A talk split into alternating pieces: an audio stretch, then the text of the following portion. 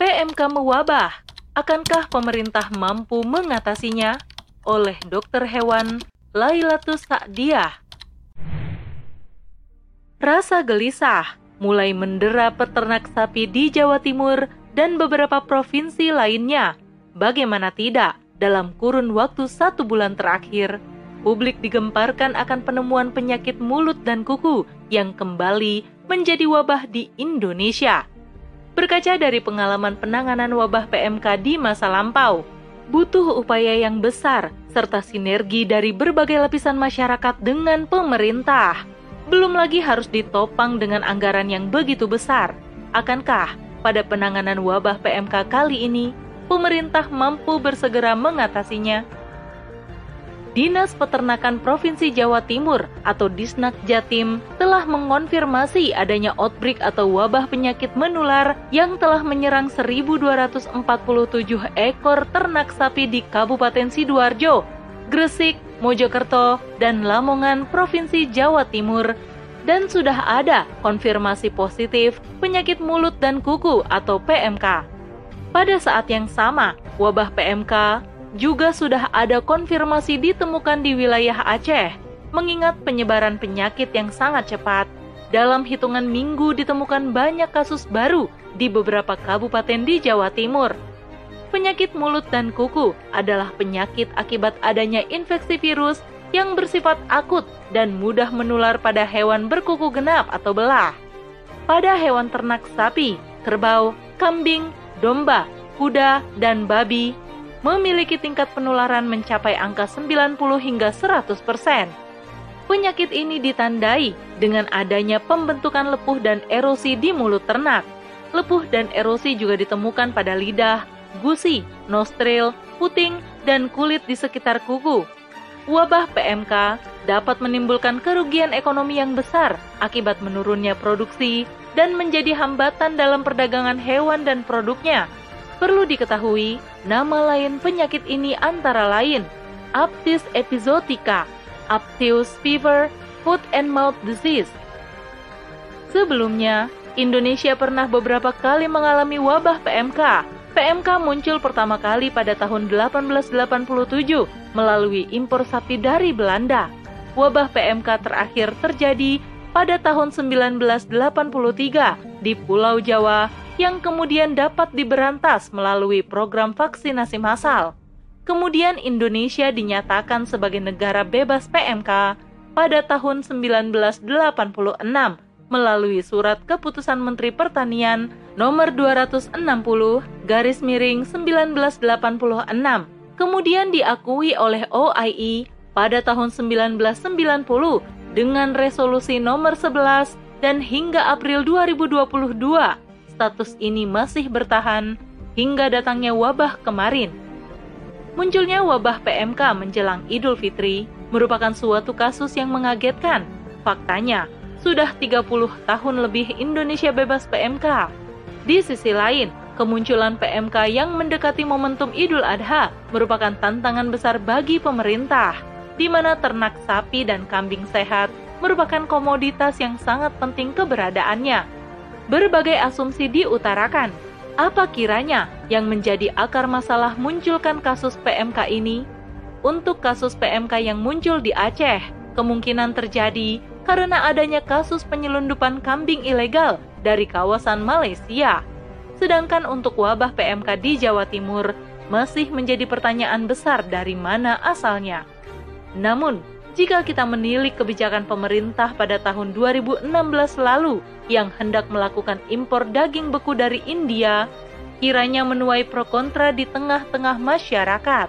Sebagaimana yang disampaikan pengamat pertanian dari Asosiasi Ekonomi Politik Indonesia, Kudori, bahwa selain impor daging kerbau beku asal India akan mematikan perekonomian peternak lokal, Hal yang paling berbahaya adalah adanya potensi penularan PMK dari negara India yang notabene menjadi salah satu negara yang belum dinyatakan bebas dari PMK.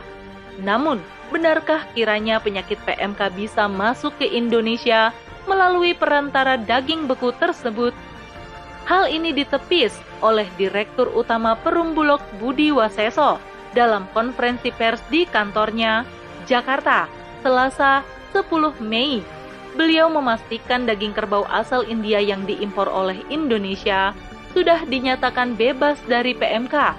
Apalagi Perum Bulog juga telah memperketat pengawasan dan pemeriksaan kualitas daging. Faktanya, impor daging kerbau beku dari India sudah melalui prosedur dan proses penyeleksian yang sangat ketat sebelum mendapat izin untuk masuk ke Indonesia.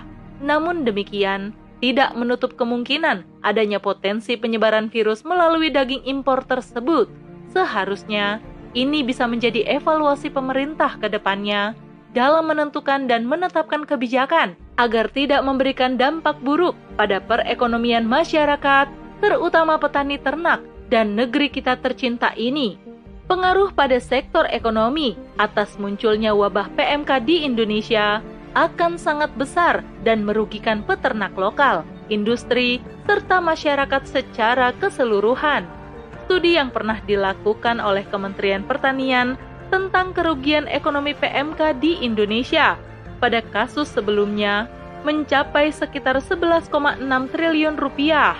Kerugian ekonomi terjadi secara langsung pada sistem produksi peternakan, seperti akan terjadinya penurunan produksi susu, infertilitas, kematian, aborsi, penurunan keproduktifan kerja, serta penurunan berat badan, maupun kerugian akibat program pengendalian dan penanggulangan, khususnya tindakan pemberantasan dan hilangnya kesempatan ekspor dan pengaruh bagi industri pariwisata.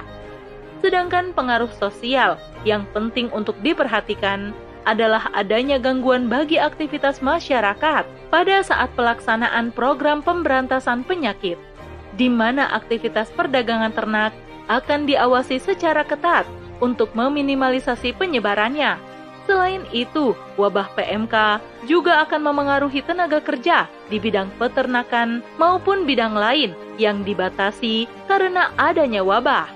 Pada peternak kecil, kemungkinan pengaruh sosial yang terjadi adalah meningkatnya kasus stres akibat kehilangan ternak atas kematian ataupun akibat program pemberantasan dan juga terdapat batasan dalam melaksanakan aktivitas sehari-hari akibat program pemberantasan penyakit yang dilaksanakan.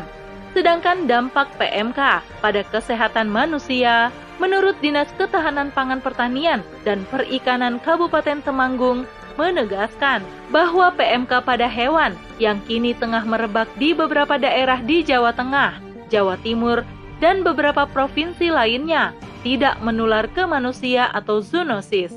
Namun demikian, lalu lintas manusia berpotensi sebagai pembawa dan penyebar virus. Semenjak diputuskan PMK sebagai wabah di negeri ini, berbagai elemen masyarakat, organisasi profesi, pakar, intelektual, serta pemerintah bersinergi mengatur strategi untuk penanganan serta pemberantasan wabah. Secara teori dan pengalaman, strategi utama penanganan dan pemberantasan apabila wabah PMK terjadi di Indonesia adalah melalui pelaksanaan stamping out dengan sistem zoning atau perwilayahan, sehingga daerah yang belum terjangkit wabah tidak tertular dan tetap dipertahankan bebas serta perdagangan di daerah bebas tersebut dapat terus berjalan. Namun sayangnya, untuk kasus kali ini, program tersebut tidak dijalankan oleh pemerintah kita karena negara tidak memiliki anggaran yang cukup dalam menjalankannya.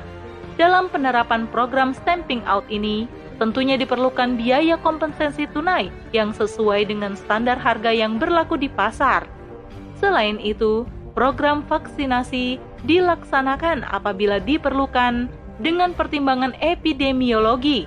Penyediaan program vaksinasi ini bisa dilakukan dengan sebelumnya mengidentifikasi dahulu serotype virus yang mewabah saat ini. Perkembangannya hingga saat ini, Puspetma sudah menemukan serotype virus yang mewabah. Tinggal menunggu bagaimana kebijakan pemerintah dalam hal pengadaan vaksin yang dibutuhkan. Pelaksanaan kedua program tersebut, baik stamping out maupun vaksinasi, perlu didukung dengan pelaksanaan identifikasi permanen bagi hewan yang divaksinasi serta kontrol lalu lintas hewan yang ketat. Dalam kondisi darurat, jika jumlah vaksin tidak mencukupi, maka semua hewan yang tidak divaksin harus dipotong dengan pengawasan ketat serta pengendalian lalu lintas hewan dan produknya. Secara kemampuan SDM, baik dari segi kecerdasan intelektual serta pengalaman penanganan wabah tidak perlu diragukan lagi. Namun sayangnya, kondisi saat ini negara tidak mampu mendukung dari segi kebijakan dalam hal pendanaan yang memadai. Lagi-lagi, sistem perekonomian kapitalisme yang diadopsi Indonesia dalam menopang kehidupan bernegara nyata-nyata telah gagal mewujudkan kesejahteraan masyarakat sebagai prioritas kebijakan. Mewabahnya suatu penyakit dalam sebuah negara adalah suatu yang dimungkinkan terjadi. Namun demikian, khilafah akan mengantisipasi munculnya wabah suatu penyakit di kawasan daulah Islam Hal ini berkhidmat pada penerapan kebijakan dalam khilafah yang bersandar pada hukum syara, sesuai dengan hadis Rasulullah yang diriwayatkan oleh Bukhari dan Muslim. Bila kamu mendengar wabah di suatu daerah, maka kalian jangan memasukinya. Tetapi jika terjadi wabah di daerah kamu berada, maka jangan tinggalkan tempat itu. Begitu juga dalam memutuskan kebijakan impor daging beku asal India yang berpotensi mendatangkan wabah. Untuk kehati-hatian, khilafah tidak akan mendatangkan bahan pangan dari daerah yang berpotensi menularkan wabah. Sedangkan dari upaya penanganan wabah, dari segi pendanaan, sesuai syariat Islam, khilafah menerapkan sistem pendanaan yang fleksibel dan tidak berbelit-belit dalam hal birokrasi. Pastinya, dengan pengelolaan harta kepemilikan umat dan negara sesuai dengan syariat Islam, yaitu dengan penerapan sistem ekonomi Islam. Sangat kecil kemungkinan daulah Islam tidak memiliki anggaran untuk menangani wabah. Bila kita refleksikan dengan perekonomian berbasis kapitalisme seperti sekarang ini, negara malah mengizinkan kekayaan milik umum justru dikuasai oleh oligarki sehingga masyarakat hanya bisa gigit jari. Sedangkan keuangan negara atau APBN pengadaannya kembali menjadi beban masyarakat dengan ditariknya pajak dalam berbagai aspek kehidupan masyarakat. Kemampuan pakar dan intelektual dalam menangani wabah tidak akan bisa direalisasikan dengan optimal tanpa adanya dukungan kebijakan dan kemampuan pendanaan dari pemerintah. Maka, perlu adanya komitmen serta keseriusan pemerintah dalam menangani wabah PMK sebelum meluasnya dampak ekonomi dan sosial di tengah-tengah masyarakat. Apakah Indonesia mampu? Tentu saja mampu jika rezim saat ini mau meninggalkan kapitalisme dan mau mengambil penerapan aturan Islam secara kafah dalam kehidupan bernegara. Wallahu a'lam bishawab.